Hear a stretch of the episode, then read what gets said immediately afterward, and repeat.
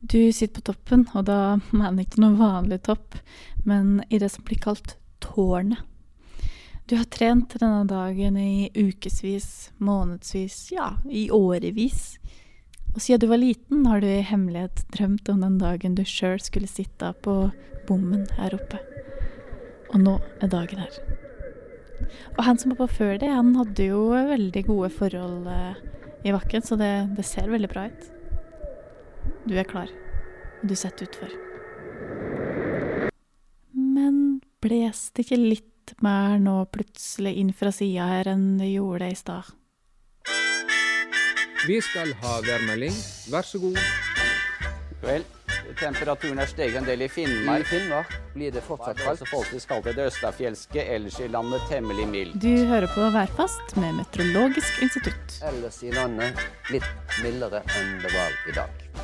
Velkommen til Værfast. I dag har oss et eh, ganske så sporty tema på eh, planen. Og mitt navn er Hanna Nordlien Berg, og ja, jeg er nå her da, for å stille de dumme spørsmålene. Spørsmålene du skulle ønske du kunne stille til den travle meteorologen på Dagsrevyen, eller til Y-rappen hvis Y-rappen var et menneske. Og flaks for det, og for meg, så sitter en meteorolog ved sida av meg, på god avstand altså, som er både en slik han du ser på Dagsrevyen, og en slags menneskelig versjon av Yr-appen, nemlig statsmeteorolog Rafael Escobar Løvdahl. Hei. Ja, jeg har jo hørt at det er jo yr på to bein, faktisk. Du har hørt det? Ja, særlig når det var i Det er ikke så lenge siden vi var i, i Sri Lanka med sånn prosjekt med noe sånn, eh, sånn bistand for å ja, vise hvordan vi eh, lager værvarsler. Og så viser de oss hvordan de gjør det, og så finner vi en måte å samarbeide på. Men der møtte jeg noen svensker, da. Og de bare 'Å, Kolla, det er Yr!' De kalte meg bare Yr. Så det var liksom eh, Alle kjente Yr, da. Det er veldig bra. Så det var bra. Ja. Men du vet, Yr det blir brukt ekstremt mye i hoppleier nå av de utenlandske trenerne og sånn. da. Ja, Ja. Yr er populært, altså. Det er ikke bare der, skjønner du. Også i fiskerne i Sør-Afrika Ja, bruker de visstnok, for det er gratis. ja, ja. ja. Det er bra. Veldig bra, og det bringer meg jo videre til hvem andre som er på besøk her. Fordi det er jo slik at det er noen yrker som er mer påvirka av vær og vind enn andre. Uh, og i den anledning så er jeg også heldig at vi har fått besøk av en som har, eller har hatt, da, et veldig spesielt yrke. Uh, han har tatt både NM-medaljer, VM-medaljer, OL-medaljer og vunnet sjølveste hoppuka sammenlagt. Og da skjønner du kanskje hvor jeg vil. Du kjente kanskje igjen stemma òg. Det var jeg nemlig tidligere skihopper Anders Jacobsen. Velkommen. Takk, takk. Ja, Yr, vær. det har vært en del av min arbeidshverdag òg. Ja. Så absolutt. Det er klart, eh, jeg skulle ønske, veldig ofte ønske at jeg kunne måtte stille inn hvordan jeg ville ha det. Det er på Yr at det var flere funksjoner. At man på en måte kunne bestemme mer over hvordan det skulle se ut. Den fins. Er det du som sitter Som på den? black, black label. Ja, Nei, for det er, det er enkelte konkurranser der eh, Yr ikke har spilt på lag, altså. Det må jeg ærlig innrømme. Ja. Det, det, det bringer meg egentlig videre Eller først så må jeg bare si, eh, bare sånn aller, aller først, siden akkurat det starta, at jeg, jeg pleier å si jeg stiller de dumme spørsmålene om vær og klima og sånn, men jeg, jeg kan ikke så mye om hoppball, altså. Så jeg kommer sikkert til å stille litt dumme spørsmål om det òg. Men jeg har sett på. Jeg husker da jeg bodde hjemme, så det var jo din storhetstid, faktisk. Så jeg husker veldig godt da du vant hoppuka. Aha. Pappa er veldig glad i hopp, så ja da. Jeg har, sett deg mange men det er lenge på, siden. jeg har sett deg mange ganger på TV. Det er gøy. Altså. Ja da. Men er, eh, du, du kalte det for yrkelig spesielt yrke. Ja, det må jo si at det er et yrke, da. Hva annet driver du med? Liksom, du er vel hopper på fulltid når du er det? på en måte? Ja, og hvis du er på typ verdenscupnivå, så er det fulltid. Ja. Det, det er absolutt. Det er klart, på veien opp der så jobber man i kassa på Kiwi eller hva det måtte være. Det, det handler om å få Men tenk sånn risikotillegg burde jo vært gitt. Og det ene og det andre. Og ugunstig arbeidstid og diverse. Ja, det er mange, mange ting ved det å være toppidrettsutøver generelt som kanskje er eh, Som burde krevd både risikotillegg og, og Ja. også overtidstillegg mange ganger. Så man regner timer, så er man ikke godt betalt som idrettsutøver, i hvert fall. Er det ikke ti, er det 10 000 timer de regner med at du må øve på en ting for å kunne bli ordentlig god?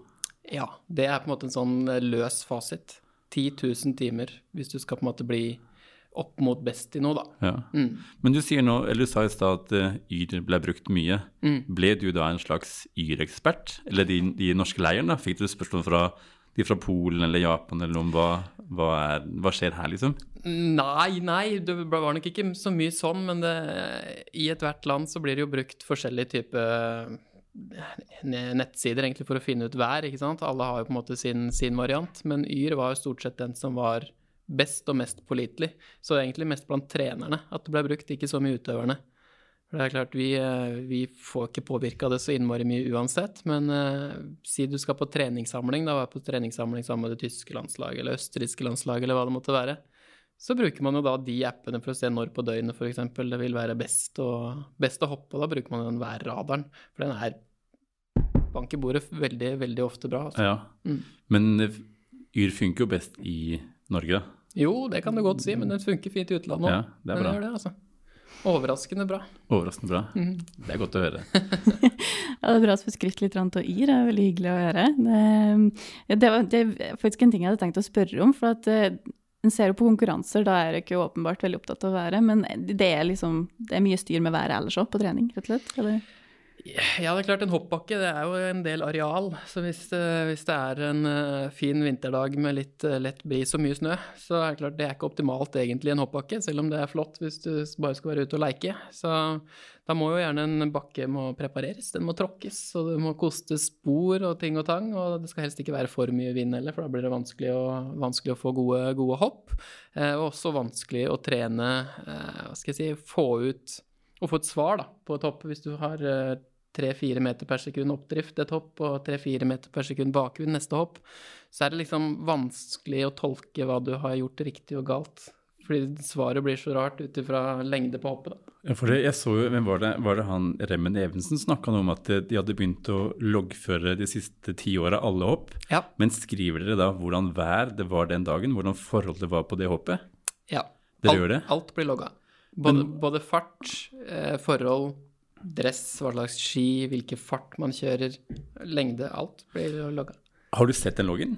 Eh, ja, ja, jeg har sett loggen, ja. For jeg lurer på en greie at Jeg har tenkt litt på det her da, når etter vi skulle snakke sammen, så lurte jeg på når er det man faktisk hopper mest? Hva er det som er viktigst? Og tenkte jeg at ok, det må være en fordel å hoppe hvis det er tung eh, høytrykksluft, enn om det er eh, tynn, lett eh, sommerluft. Men det er klart.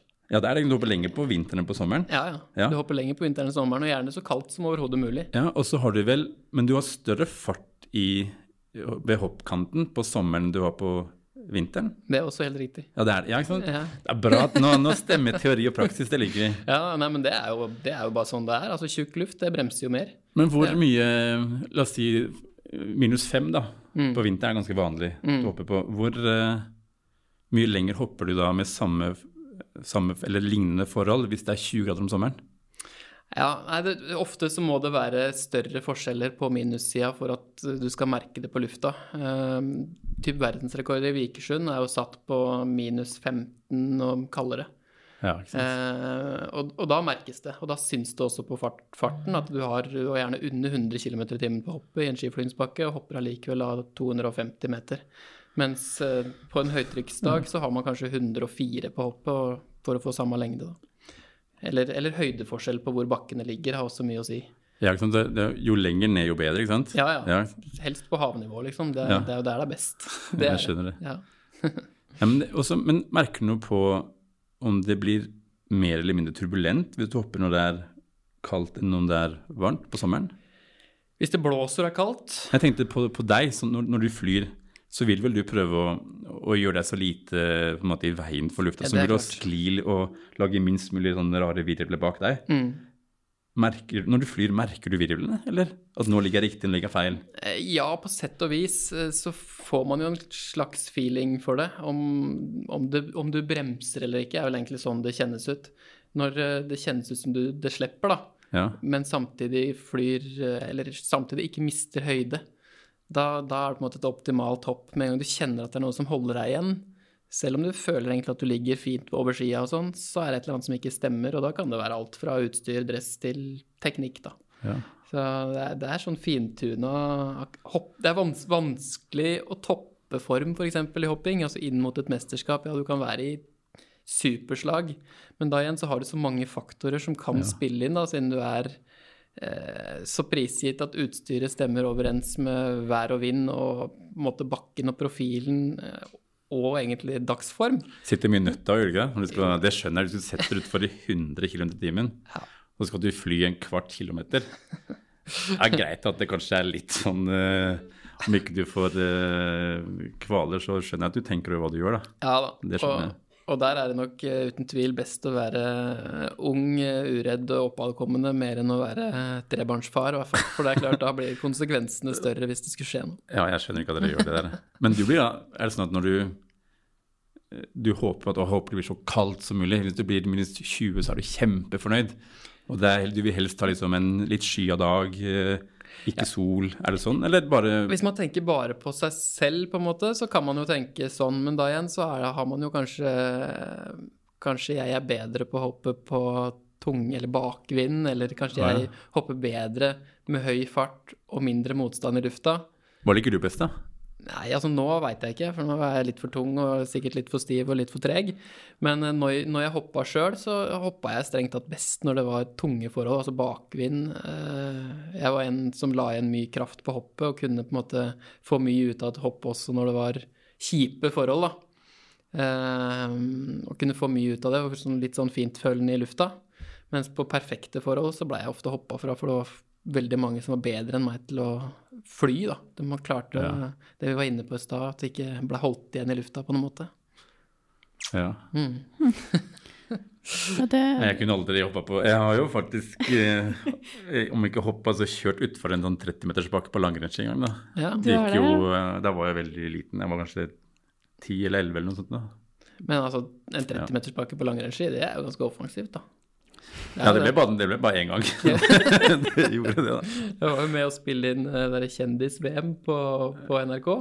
Ja, det er drøyt. Ja, og det, og det var jo en, en 10- og en 15-metersbakke. Med ganske kule kiser som er med der. Altså Du har Tix og Staysman, Thomas Hayes osv. som er med. Men den var redda, altså. Det er rart med det med en gang du får på hopputstyr og skal sette skia i et spor, og du ikke har mulighet til å angre når du slipper bommen. Det gjør noe med folk, altså. Ja, nei, det, Det gjør det, selv om ikke jeg, bakken er stor. ja, jeg husker det fortsatt. Jeg tok ikke fart fra toppen. da. Nei. Jeg tok jo fart liksom midt i der. Jeg var livredd. Husker jeg satt utfor der. Jeg, jeg, har ikke gjort, eller jeg gjorde det siden, da, men da var det slalåmski vi brukte, tror jeg. Ja. Når vi gjorde det. Mm. Så det var litt annerledes. Jeg har en sønn som er ti, som har begynt å, begynt å hoppe. Og, så Syns dere det er greit? da? Det er jo mange som ja, ja, for min del. Min del jeg, han trenger ikke hoppe for min del. Eh, det gjør han ikke. Han må gjerne bli fotballspiller eller gitarist eller hva det måtte være, eller finne på det han, han ønsker. Men han syns nok det er stas, og sikkert litt fordi jeg har eh, vært god på det.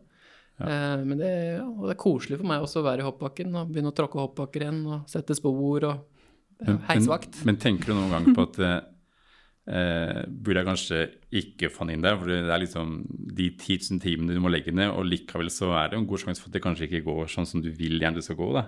Nei, det er jo ekstremt lite, eller et lite nåløye for å nå toppen. Eh, og som du sier, ekstremt mye jobb. Ja. Eh, og en god del ting man ikke må Jeg, jeg føler jo ikke at jeg har ofra noe, men jeg har på en måte eh, gjort valg da, som har gjort at livet ser jo litt annerledes ut. Så fra man er 16 til man er 20 eh, Hvis man bare trener i den perioden, så går man jo glipp av andre ting som kunne vært gøy. Ja. Det, det gjør man samtidig, så har jeg hatt det gøy på andre arenaer. Men det må nesten bli et valg som han tar etter hvert. Det er klart det er mye, mye som er gøy når man er 16. Det er det. det, er vel, eh, ja, det er det. Men sånn, ja, det da, når du har jobba så mye opp mot noe, ja, ofra eller ikke ofra, da. Du har jo valgt det, så det føles jo greit, men, men likevel. Og så kommer du, og det er renn. Eh, renn? Har litt rar dialekt, det. Eh, og så eh, har du jobba opp mot den dagen, og så ødelegger været. Det, hvor irriterende er det? Nei, det er fryktelig irriterende. Det er klart det er det. Man øh, får jo utdelt et startnummer ut ifra hvor når man skal hoppe i en konkurranse. Ja. Og det er jo også på en veldig fin, rolig, vindstille dag, så er det alltid på en måte skif, værskifter. Hvor uh, i en skråning som en bakke ofte ligger i, så vil lufta noen ganger bli pressa opp, og noen ganger forsvinne ned, litt avhengig av temperatur osv. Og, så og da vil man jo helst hoppe når den lille lufta er på vei opp, før den skal ned igjen. Uh, hvis vi tar eh, VM i Oslo i eh, 2011, da, jeg var med der, så hadde jeg litt tur i første omgang. I tillegg så var jeg i god form. Så jeg lå på andreplass etter første omgang i eh, VM-stor bakke på hjemmebane og 50 000 til- tilskuere. Det var jo enormt, husker jeg, den, den første omgangen. Og så kom vi til andre omgang, og da, var det, da hadde jeg Anders Bardal foran meg Han skulle ut på bommen, og det var helt sinnssyk jubel. Og han setter utfor eh, og hopper kort. Og jeg veit jo på en måte hvorfor. Jeg klarer jo å se vimplene på kulen, jeg også. Og det, er altså publikum, det dør. Det er så stille at du kan høre en knappenål, og det er 50 000 mennesker der. Og jeg stivner totalt på toppen. Og det er jo sånne ting som vær kan gjøre med deg, da. Eh, Men når på dagen var det her, da? dette er jo på kvelden, på ettermiddagen, ja. Det lurer jeg litt på. Hvorfor Eller jeg skjønte at det er noe med TV-rettigheter, da. Men det, det legges jo alltid sånn at man hopper en omgang hvor det er på en måte sol og oppdrift, og så kommer da, Etter hvert så kommer du inn der hvor det blir kaldere, og du begynner å få at liksom, lufta istedenfor å gå opp i bakken pga. solvarming, så kommer den da Ned i dalen ned igjen. Liksom, for det, da renner jo kald, begynner, kommer kald luft ned igjen. Ja. Hvorfor kunne man ikke bare sagt at du, vi hopper mellom eh, tolv og to, vi? Ja, nei, du, Sånn det, hadde, det. hadde vært fantastisk. Sånn, øh, fra et utøverperspektiv så hadde det vært helt nydelig. Men øh, det er Du tar med deg Y-rappen neste gang, så viser du oss det her. Mellom tolv og to er det sønnavind. Ja. Da skal vi. Ja, nei, dette er, det er som du sier, da, i forhold til TV-rettigheter i eh, de nasjonene hvor hopp er ekstremt populært. Hvis du tar Tyskland, Polen eh, som eksempler, da, hvor, det, hvor hopp er størst. Det er større enn, veldig mye større enn langrenn og større enn alpint. Så får man på en måte de beste tidene hvor mest folk kan få det med seg, og det er da fra klokka fem og utover. Og klokka fem, da har sola på en måte på vinteren stort sett gitt opp. Eh, Det har vært, vært varmt og liksom lett trekk imot, eller i hvert fall stille. Eh, Den lufta da som har blitt pressa opp, den må nødvendigvis ned igjen når det blir kaldere. Så da blir det sånn. Så du får et skille på typ startnummer eh, 20 da, i første omgang. Da snur det. Da blir det Men det ville jo vært bedre å vente lenge, da. Hvis du en sånn ordentlig kveldsrenn til alt måte har stabilisert seg. Det ville jo vært likt for alle. Ja. Da ville kanskje alle fått litt baktrekk, men det ville vært veldig jevnt, da. For- Absolutt. Ja. Men da igjen så har du da Tyskland, som er den største. De sender jo da ikke sport etter klokka sju. Nei. Nei. Og det er, den, det er da, sant, mellom Ja, som du sier, da. Mellom eh, fire til sju. Det er da det begynner å endre seg. Og selvfølgelig, da skal du opp på ski. Da skal vi hoppe på ski. Ja. Da er det best å få hoppa litt. Ja, ikke sant? Ja. Så, det har jeg også tenkt på i etterkant, hvorfor vi ikke trente mer på, på måte, de forholdene som er der. For vi trener jo veldig ofte på dagtid. Ikke sant? Eh, fine dager dagtid trener vi veldig ofte på det. Trener vi, ja, kan trene på bakvind, kan trene på oppdrift, men da er det jevne forhold. Eh, men det å ha på en måte skiftende forhold, det burde man egentlig trene. Når du merka noe på det på, som, på sommerstid, vil jeg tro at hvis du tar en, en vanlig sommerdag da, hvor det er litt sånn si, litt lette regnbyger kanskje her og der, da vil du jo få en del variasjoner med tanke på at de små skyene lager sine egne små systemer. Du får litt soloppvarming, du får skygge, det svinger litt. Var det til hjelp når dere begynte å hoppe på sommeren sånn jevnt og trutt, eller var det bare altfor forskjellig?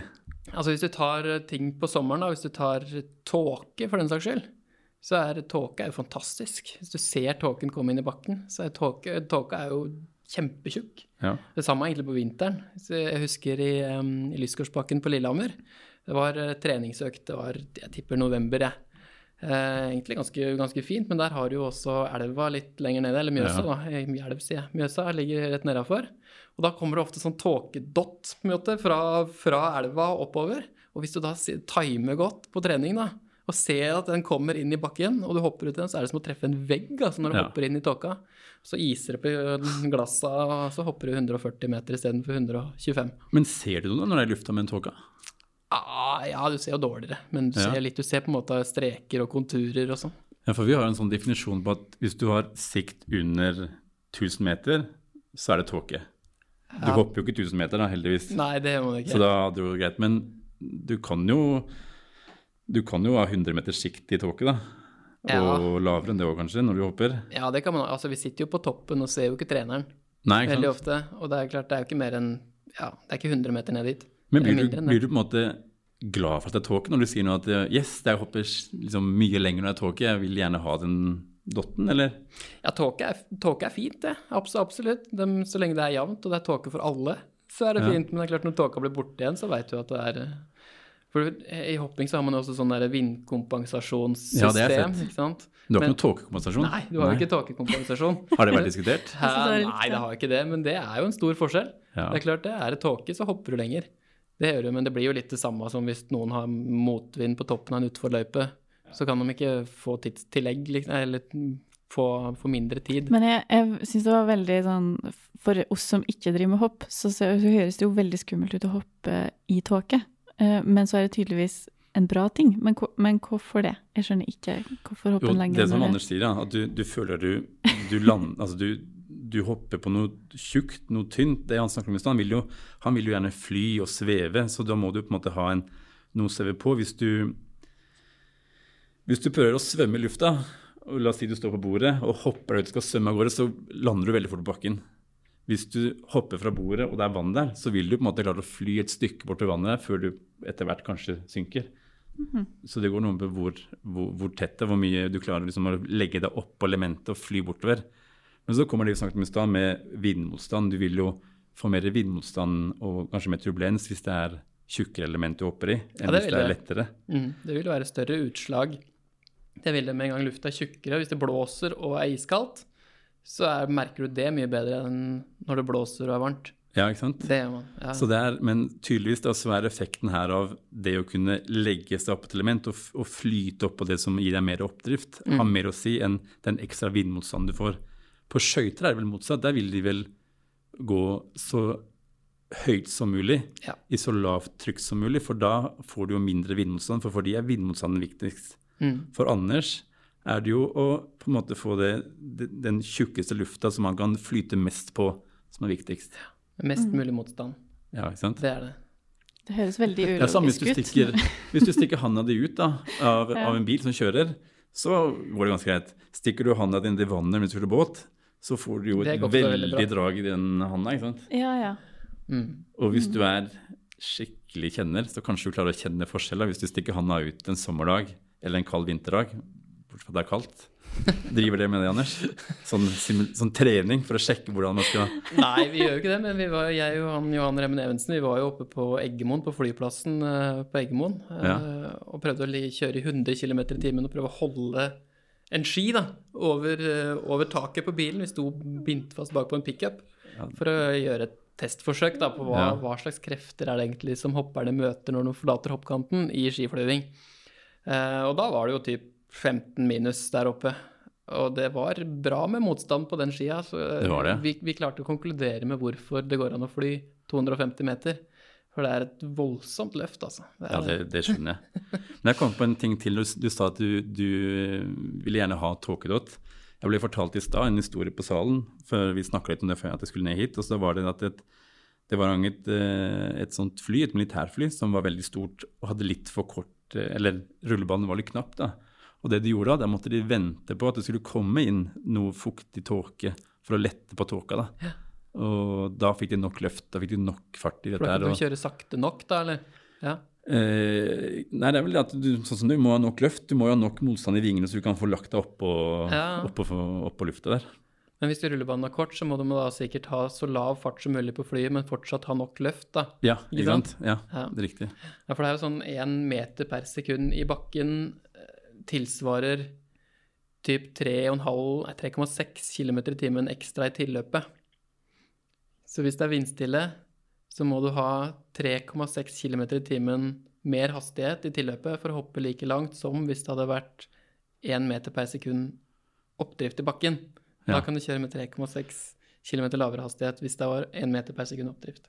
Og da svarer du egentlig på det spørsmålet vi lurte på i stad, med at Hvordan man regner det ut. Ja, nei, ikke bare det, men at uh, du får jo lavere fart på hoppkanten når det er høyt trykk. Ja.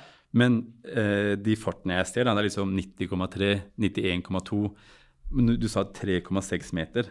Ja, 3,6 km gir det samme som 1 meter Ja, per det. sekund Ja, i luft, ja. Ja, og da sier det seg selv at eh, det vil jo eh, Den farta du har på hoppkanten, er ikke så viktig som, som den møter, nei. oppdriften Nei, du får ned der. Det, har, det er alfa og omega. Betyr så mye. Men det har jo også litt med utstyr og sånn igjen, da. At du har en fantastisk god hoppdress. Det begynner jo å ligne litt på en wingsuit, ikke sant. Så det er, Ja, gjør det det? Fordi de er jo litt sånn De er jo tynne Altså tettsittende, men samtidig ikke. Det er litt sånn Ja, det som så være prøver, litt ja, så lurer man seg til Ja, litt sånn ekstra stoff her og Ja, der. for det, må, det- det, Ja, er strengt, er det ikke det? Jo, det er veldig mye regler på det. det er, altså Den regelboka, den er tjukk, altså. Ja. Det, det er den absolutt. Og det, ja, på, på herresiden så er det, kan dressen være 3 cm større enn kroppen. Så hvis jeg måler rundt magen og den er 80, så kan dressen være 83, eller mellom 1 og 3 cm større. Ja. Kan da dressen være altså 81 til 83 da, cm. Uh, men samtidig så prøver de jo da å få uh, sånn som i, i skrittet da, å få mest så lav som mulig dress der. Ja. For det skaper jo ganske stort areal. Og det gjør jo også at du flyr lenger, da. Samme under armene, prøve å få litt sånn vinger under, under armene. Ja, det må jo være lurt, det. Ja. Det er klart det er lurt. Jeg føler, men jeg føler liksom at de Det er kanskje bare en innbilning, men jeg føler at de dressene var større før. At de lurte Kanskje de var litt bare mindre stengt før. jeg tror ikke før. man var så ja, altså Regelverket var jo annerledes før. Når Ja. jeg kom inn i verdenscupsirkuset, så kunne dressen være større. Ja, Eh, sant. og stoffet var også tjukkere. Så det er stadig blitt regler for å eh, Altså, det skjer utvikling hele tida på både ski, bindinger, sko, materiale på dress osv. Så, videre, så det gjør at man hopper lenger på mindre fart. Og da må man på en måte ta ned bæreflate for å få dem ikke til å hoppe Plutselig så er ikke bakkene store nok, ikke sant. Så da må ting justeres. Eh, det må det. Så eh, en, en gammel bakke sånn som Skui f.eks. er jo helt ubrukelig i dag med dagens utstyr og hoppere for de lander på sletta.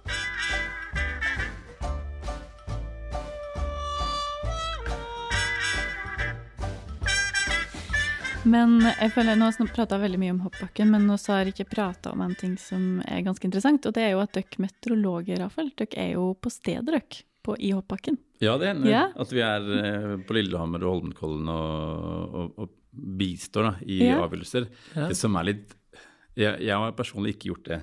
Men når du drar opp dit, så er det jo sånn at du vet jo på en måte hvor grensene går. da. Hvis, hvis det blåser mer enn sju meter per sekund fra den retningen, så vet du det blir avlyst. Hvis du har mindre sikt enn sånn og sånn på den måleren, så vet du det blir avlyst. Og da, hvis, når du da mm, Det er jo sånn jurymøte da, hvor meteorologen er med, Ja.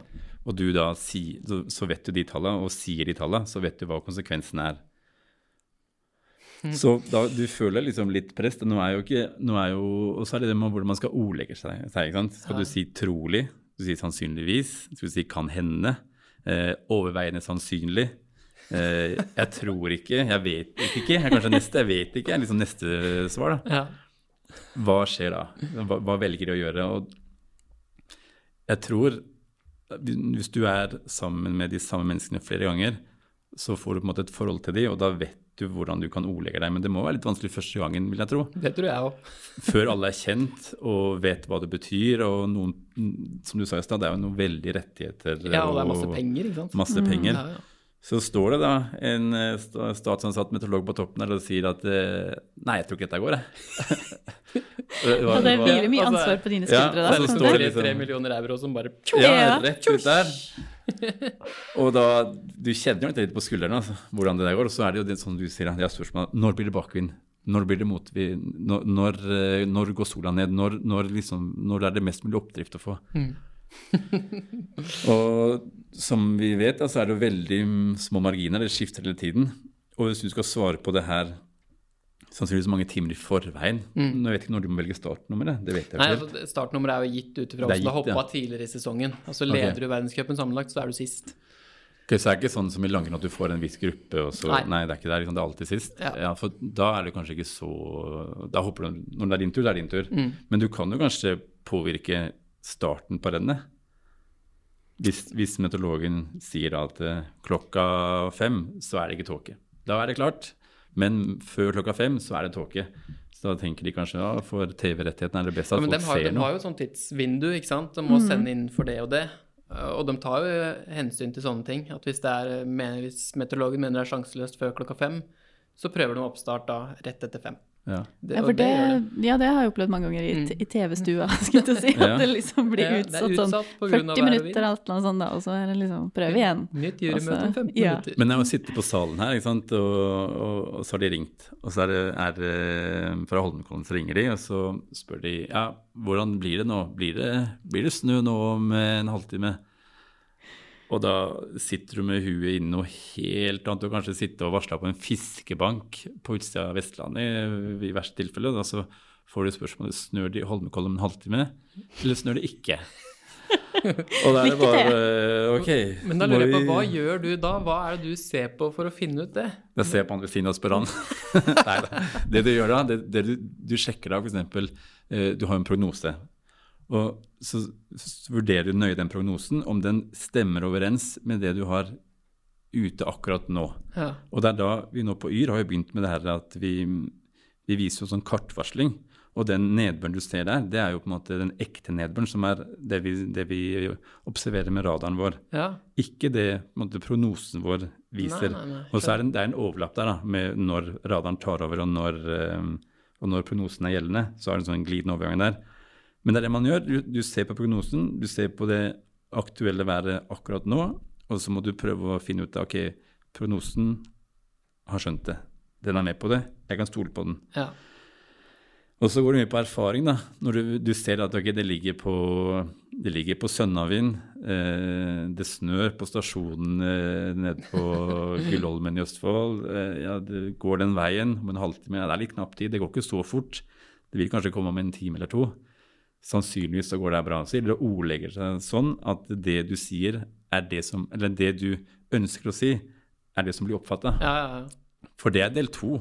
Kommunikasjon, ja. Sånn. Det, jeg, det jeg sier til en person som jeg ikke kjenner i det hele tatt, over telefonen, og jeg ikke kan på en måte gjøre noe, det, og det som jeg ofte gjør da, ikke bare med, med hopprenn, også hvis du snakker med, med bønder om hvordan det blir med, med, med regnet som ikke kommer, eller Vegvesenet om det blir snø eller ikke snø, det er at du må prøve å snakke med de lenge nok, så du kan få en viss forståelse av hva som er risikoen for de her, og, og hvordan jeg må ordlegge meg sånn at de forstår hva jeg faktisk prøver å si. Mm. Det er viktig. Men det med Holmenkollen, når du får den telefonen, så er det bare å prøve å si det beste. og at eh, Jeg tror ikke det snør. Men den gangen jeg gjorde det, så var det noe med, det var noe med sikten. For det var litt dårlig sikt. Og så var det noe om det ville bli bedre eller dårligere. Og så tenkte jeg sånn, ja, det begynner jo kanskje å snø. Jeg tror kanskje ikke det snør, så det går sikkert bra. Men selvfølgelig gikk det jo Var det tre kvarter eller noe, så begynte det å snø, og det var ordentlig filler og dårlig sikt. og jeg satt på salen, gikk fram og tilbake, fram og tilbake, og nei, dette stemmer jo ikke med det jeg sa. Og, og ja, nei, nei, går det an, er det mulig, er det mulig? Og så letter det opp, og så blir du kjempeoptimist. Yes, det jeg sa, det stemmer. Det blir faktisk sånn. Det blir bra. Og så rakner igjen, og så svinger det. altså. Ja. Så det er litt sånn nervepirrende der å skulle, å skulle varsle sånn. Så hvis du er meteorolog i bakken, så er det en liten Det er litt av påkjenning, det, tror jeg.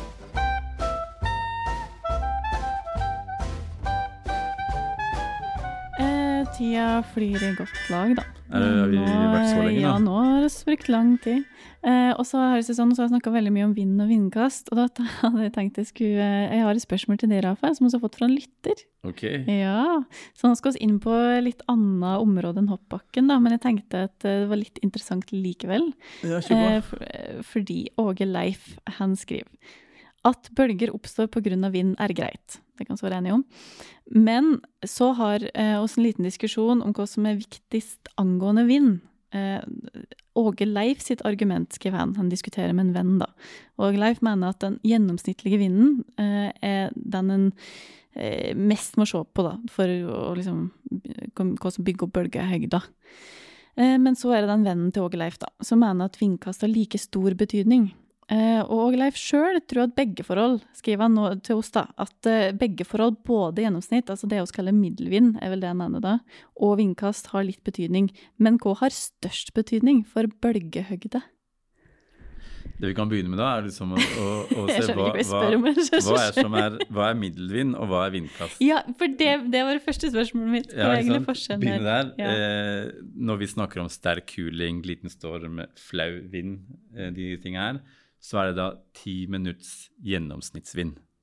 Så det er da hvor mye det blåser i snitt i ti minutter. Da får vi en, en, noe som kommer fra Beaufort-skalaen, som ble laget eh, for lenge siden, som beskrev e- Jeg tror det egentlig det gikk litt andre veien. Det var noe med at når du så på naturen rundt deg, og, den, og bølgene var at de, de skumma og skummet føyk videre og sånn, da kalte du det for f.eks. stiv kuling.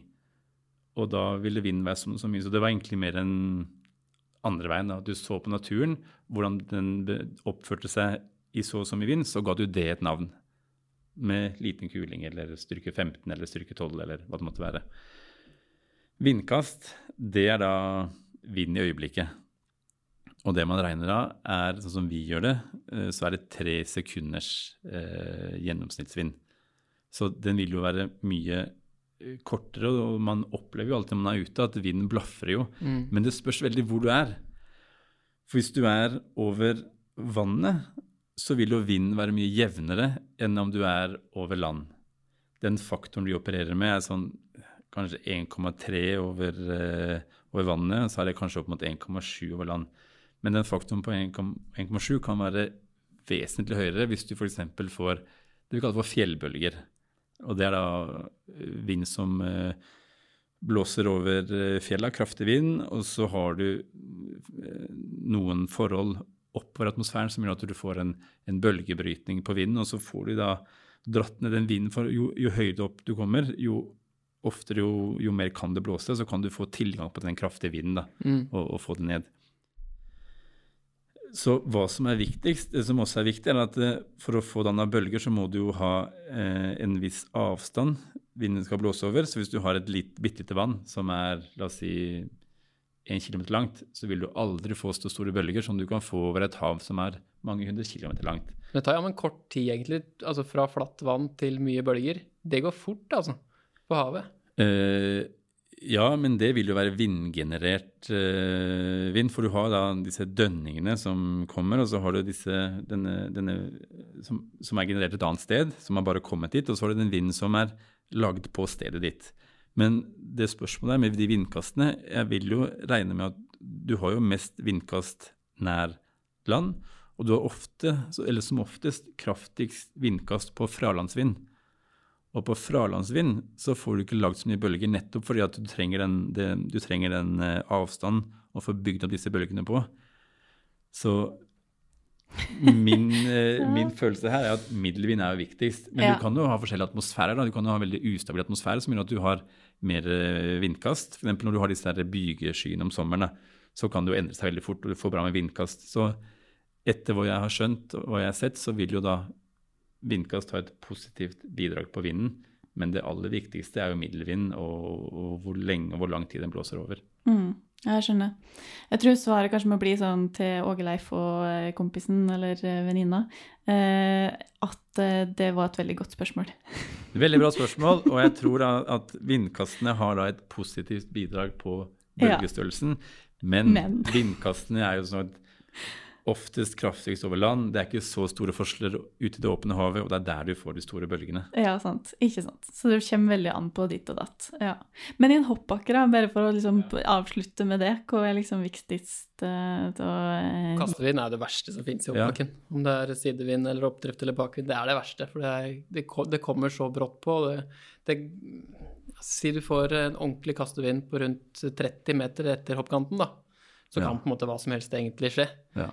Hvis, hvis du mister trykket helt på skia, så, så teller du rundt. Og hvis du får masse trykk under skia, så på en måte steiler du eller går imot, da, og så slipper du igjen, og så går du rundt da. Og så kastevind, det vil du ikke ha. Men ja, for, det kan, ja. for det kan bare skje, liksom. Du har allerede satt Ja, utfor, og så det kan bare. Ja, nå Og kom det samme noe. med fallvind. Det kan komme spesielt hvis det ligger i en bratt skråning eller høyt fjell over. Så kan det komme fallvind. Det jo er noe ordentlig herk.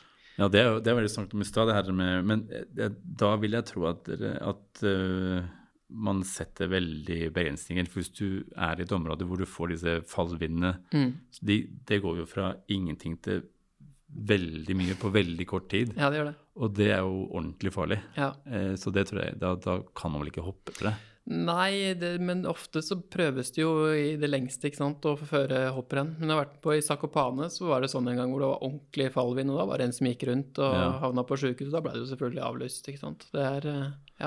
Men har dere mer, eh, har dere mer ulykker på sommeren med tanke på med uheldige vindforhold enn dere har på vinteren? Nja Nei, man har nok kanskje mer sånne der eh, aha-opplevelser på sommeren, hvor du, hopp, du hopper, og det har egentlig vært jevne, fine forhold, og plutselig så kommer det sånn enten masse bakvind eller mye oppdrift. Men så lenge det ikke er veldig mye kast, så går det bra. Du redder deg gjerne inn igjen. Du får oppdrift, så kommer du skyhøyt, men da tar du ut flapsen, og så, Og så er det land, greit. lander du tungt, liksom. Men det, Ja. er, det går stort sett bra. Jeg skjønner. Mm. Det er bra det er vintersport. Ja. For det er mindre, det er mindre vindkast på vinteren enn det er på, på sommeren. Det er enda Det er godt. Ja, jeg tror nesten det må bli siste ord eh, fra, fra det, i hvert fall. Eller fra dere. Så skal jeg bare si tusen takk for at eh, du kom, Anders. Jo, Veldig, veldig Det var kjempehyggelig og veldig spennende å høre om. Det er en eh, helt annen hverdag og et helt annet liv. Eh, og takk for at du kom, Rafael, men du måtte jo, stakkar. Du jobber jo her. Ja, men jeg kunne gjort noe annet istedenfor. det kunne du. Jeg kunne, jeg Ja. kunne gjort noe annet. Jeg kunne sitte på, på salen og eh, Ja, det er fordi det der. sa du i stad, og det hadde jeg tenkt å spørre om. Fordi det var sånn begrep som var litt sånn rart for meg da jeg begynte her. Salen. Værsalen. Værsalen. Det står skilt Ja. innover, innover trappa her. Ja, men jeg tror ikke folk flest uh, vet hva det er. Salen. Femte etasjen på Det er femte etasjen på Blindern. Det er Der salen. er Værsalen. Ja. Værsalen. Men Det det, er heter jo, det heter jo Salen i Tromsø Ja, og det Bergen gjør nå. det. De Ja, sier jo salen. det Alle sier jo salen. Ja. Så det er rett og slett der dere sitter og overvåker været, da, kan du si. ja, det er riktig. Rett og slett.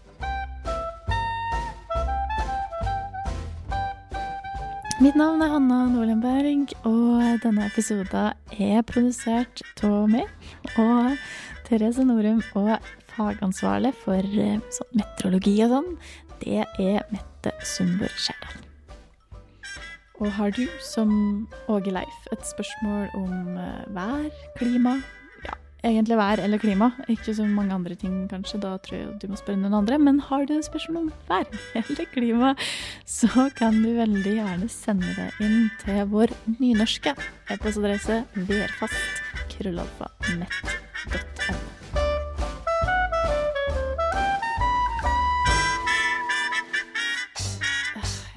sorry. Jeg skal klippe litt nå, uansett. Ja, det var, ble ganske langt der, da. Det ble kjempelangt. Jeg hadde jo med Det var, men jeg ville ikke for at dere var så interessert i å Ja. Jeg hadde jo snakk, jeg har jo liksom eh, refresha her både strålingståke, Ja, for det var så mye og som vi ikke fikk spurt om, men det tar sa ikke bare- tid. Fordi det, ja.